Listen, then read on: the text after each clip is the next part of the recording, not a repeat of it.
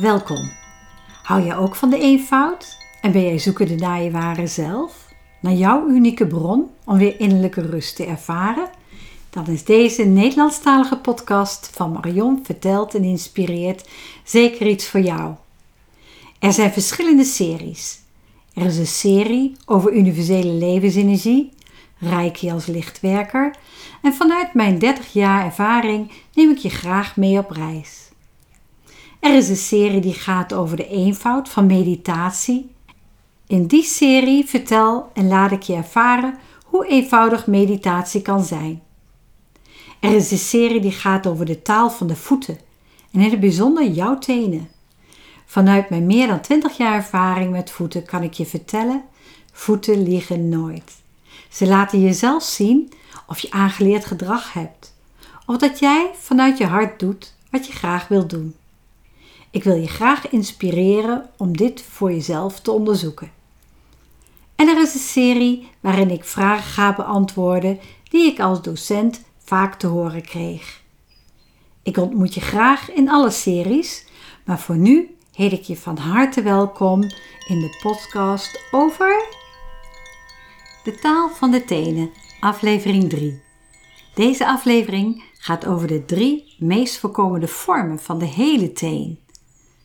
Laten we bij het begin beginnen. De grote teen heeft twee kootjes en alle andere tenen hebben drie kootjes. Kijk maar eens goed naar beneden, naar je tenen. Kootje 1 is het kootje met de nagel. In aflevering 2 hebben we de drie meest voorkomende vormen van de topjes van de tenen besproken. De vorm van het eerste kootje laat je zien hoe je iets bij je binnen laat komen en of hoe jij iets naar buiten brengt. Als het dus uh, even uitgaan van de energie komt naar binnen, dan gaat het daarna door naar het tweede kootje. De vorm van het tweede kootje laat zien hoe jouw innerlijk gedrag is. En de vorm van het derde kootje laat zien hoe jij het in je eigen systeem neerzet. De grote tenen hebben geen derde kootje. De optelsom van de andere vier tenen kun je zien als het derde kootje van de grote teen.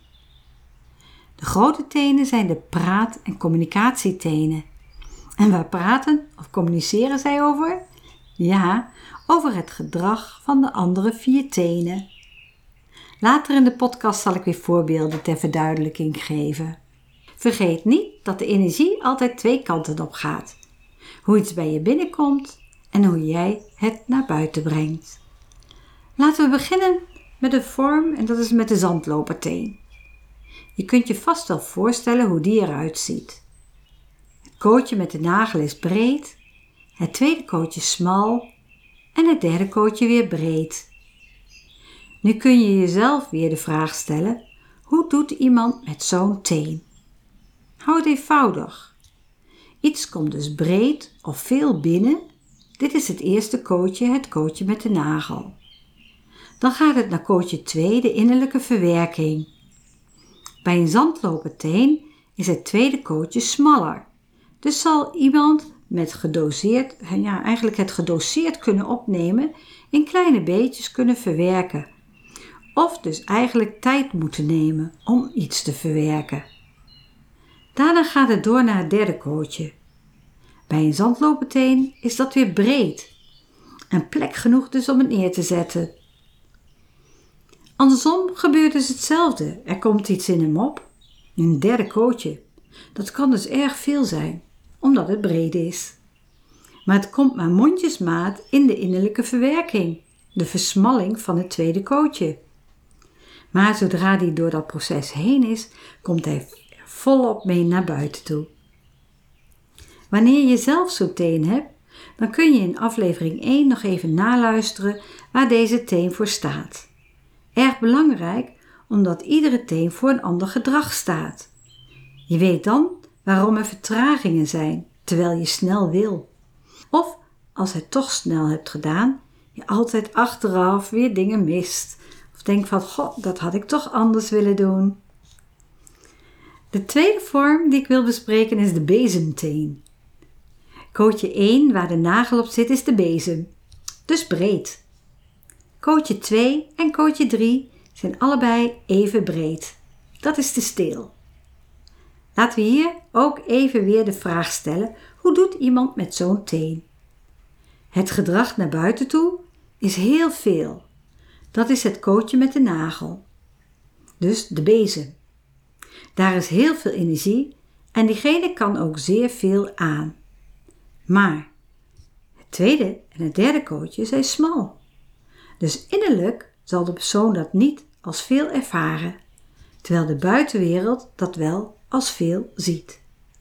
Weet ook hier dat elke teen zo'n vorm kan hebben. Dus kijk even goed bij welke teen je deze vorm hebt. De derde vorm die ik wil bespreken is de dieselteen. Kootje 1, waar de nagel op zit, is breed. Kootje 2 is iets smaller. En kootje 3 is weer iets smaller. Maar de overgang tussen de drie kootjes is heel geleidelijk. Dus het gaat mooi in elkaar over. Dus heel anders dan de zandloper. Die gaat echt van breed naar smal en weer naar breed. Als iemand dus in kootje 1 van de dieselteen zit, dan is hij lekker op dreef. Dat is dus het kootje met de nagel. En kan hij heel veel aan. Veel meer dan wanneer hij er innerlijk mee bezig is. En innerlijk is weer meer dan het kootje 3, wat er eigenlijk, ja, dat wat er eigenlijk ontstaan is.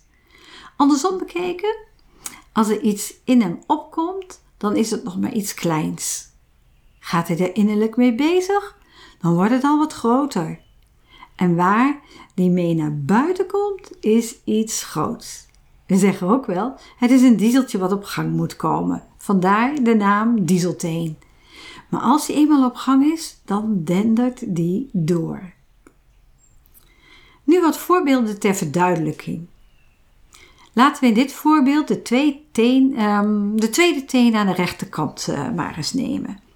In aflevering 1 heb ik je verteld dat het de wens, verlangens en ambitieteen is.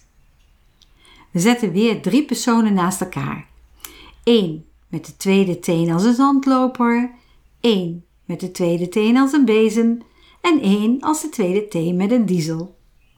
Laten we dit voorbeeld vragen of zij hun ambitie willen laten zien voor een opdracht die ze krijgen. Diegene met de zandloperteen zal de opdracht in stukjes moeten hakken en het mondjesmaat innerlijk gaan bedenken en verwerken. Doet hij dat niet, dan maakt hij het zichzelf erg lastig. Doet hij dat wel, dan komt hij uiteindelijk wel met een breed project. Hij heeft alleen wat meer innerlijke tijd nodig. Degene met een bezemteen, die kan er gewoon voor gaan. Zijn basisideeën, zijn innerlijke verwerking van hoe hij het wil gaan doen, werken mooi samen. Want die zijn immers even breed. Geen stagnatie. Hij komt met iets groots naar buiten. Dus alles wat deze persoon aanpakt is vele malen groter dan dat hij innerlijk verwacht. Probeer deze persoon niet te overtuigen dat het iets groots is geworden, want innerlijk zal hij dat niet zo ervaren. Degene met de dieselteen, ja, die zal langzaam op gang komen. Maar gaandeweg het proces komt hij op gang en is hij niet meer tegen te houden. Hij heeft veel energie om dan door te stomen. Afhankelijk van de vorm van de topjes van de tenen, die we in aflevering 2 hebben besproken, kun je nagaan of iemand het harmonieus brengt, in buien of alleen wil doen. Nog een ander voorbeeld. Laten we ehm, de vierde teen aan de linkervoet nemen. In aflevering 1 heb ik je verteld dat het de passieteen is, oftewel dat wat je hartstikke leuk vindt om te doen. We zetten weer drie personen naast elkaar. Eén met een zandloperteen, één met een bezemteen en één met een dieselteen. Laten we zeggen dat van deze drie personen het schilderen van de natuur een passie is. Hoe doet iemand met een zandloperteen dat? Er zullen brede ideeën bij hem oploppen. Derde kootje.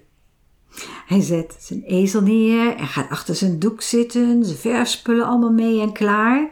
Maar dan? Ja, dan gaat hij er innerlijk mee bezig. Hoe hij dat op het doek zal brengen. En dat, ja, en dat komt ook maar mondjesmaat op zijn doek, hier en daar wat. Maar het eindresultaat heeft hij toch alles wat in hem opborrelde op het doek gekregen. Hij had er alleen wat meer innerlijke tijd voor nodig. En hoe zou iemand dat doen met een bezemteen? Die zal zijn spullen meenemen, neerzetten en gewoon bezig gaan. Hij weet wat hij wil en hoe hij dat wil. Hij zal tevreden over zijn werk zijn, niet meer en niet minder. Maar als hij het aan anderen laat zien, dan krijgt hij oh en ah, wat mooi en bijzonder. Zelf zal hij dat nooit zo ervaren. Iemand die een dieselteen heeft dan? Nou, die start, zet zijn ezel neer en pakt alles langzaam uit van het komt wel, het kof, het komt zoals het komt. Dan zit hij en gaat hij er innerlijk mee bezig. En dan komt er meer gedrevenheid en actie. En als hij eenmaal op gang is, dan gaat hij maar door. Het is lastig voor zo'n persoon om op tijd te stoppen. Een dieseltrein heeft ook een langere remweg nodig. Het is handig als hij dat weet van zichzelf, want iedere schilder weet dat als je te lang doorgaat met je schilderij, dan kun je het gaan verknoeien. Nou, ik hoop dat ik jou ook weer met deze podcast en deze voorbeelden heb kunnen inspireren om eens wat vaker naar je eigen tenen te gaan kijken. Het is in ieder geval een mogelijkheid om veel over jezelf te weten te komen. Of je er ook wat mee gaat doen, dat is helemaal aan jou. In de volgende podcast gaan we nog een stapje verder en kun je naar de stand van de tenen kijken. Ben jij in de toekomst bezig? In het verleden? Of is het hier en nu? Of heb jij de deuren even dicht gedaan? Nou, ik ga je graag weer ontmoeten in een volgende podcast. Nog even drie dingen. Je zou anderen namelijk enorm kunnen helpen door een screenshot van deze podcast te maken en te delen op social media, zodat ook zij geïnspireerd kunnen worden om hun hart te gaan volgen. Daarnaast zou je mij enorm kunnen helpen door een review achter te laten op jouw podcast-app. Maar even zo belangrijk is dat je jezelf kunt helpen door je te abonneren op deze podcast, zodat je niets zult missen. Heb je toch nog een vraag? Blijf er dan niet mee zitten. Stuur die naar mijn mailadres info apenstaatje reikimastermarion.nl of info apenstaatje marionvanbrussel.nl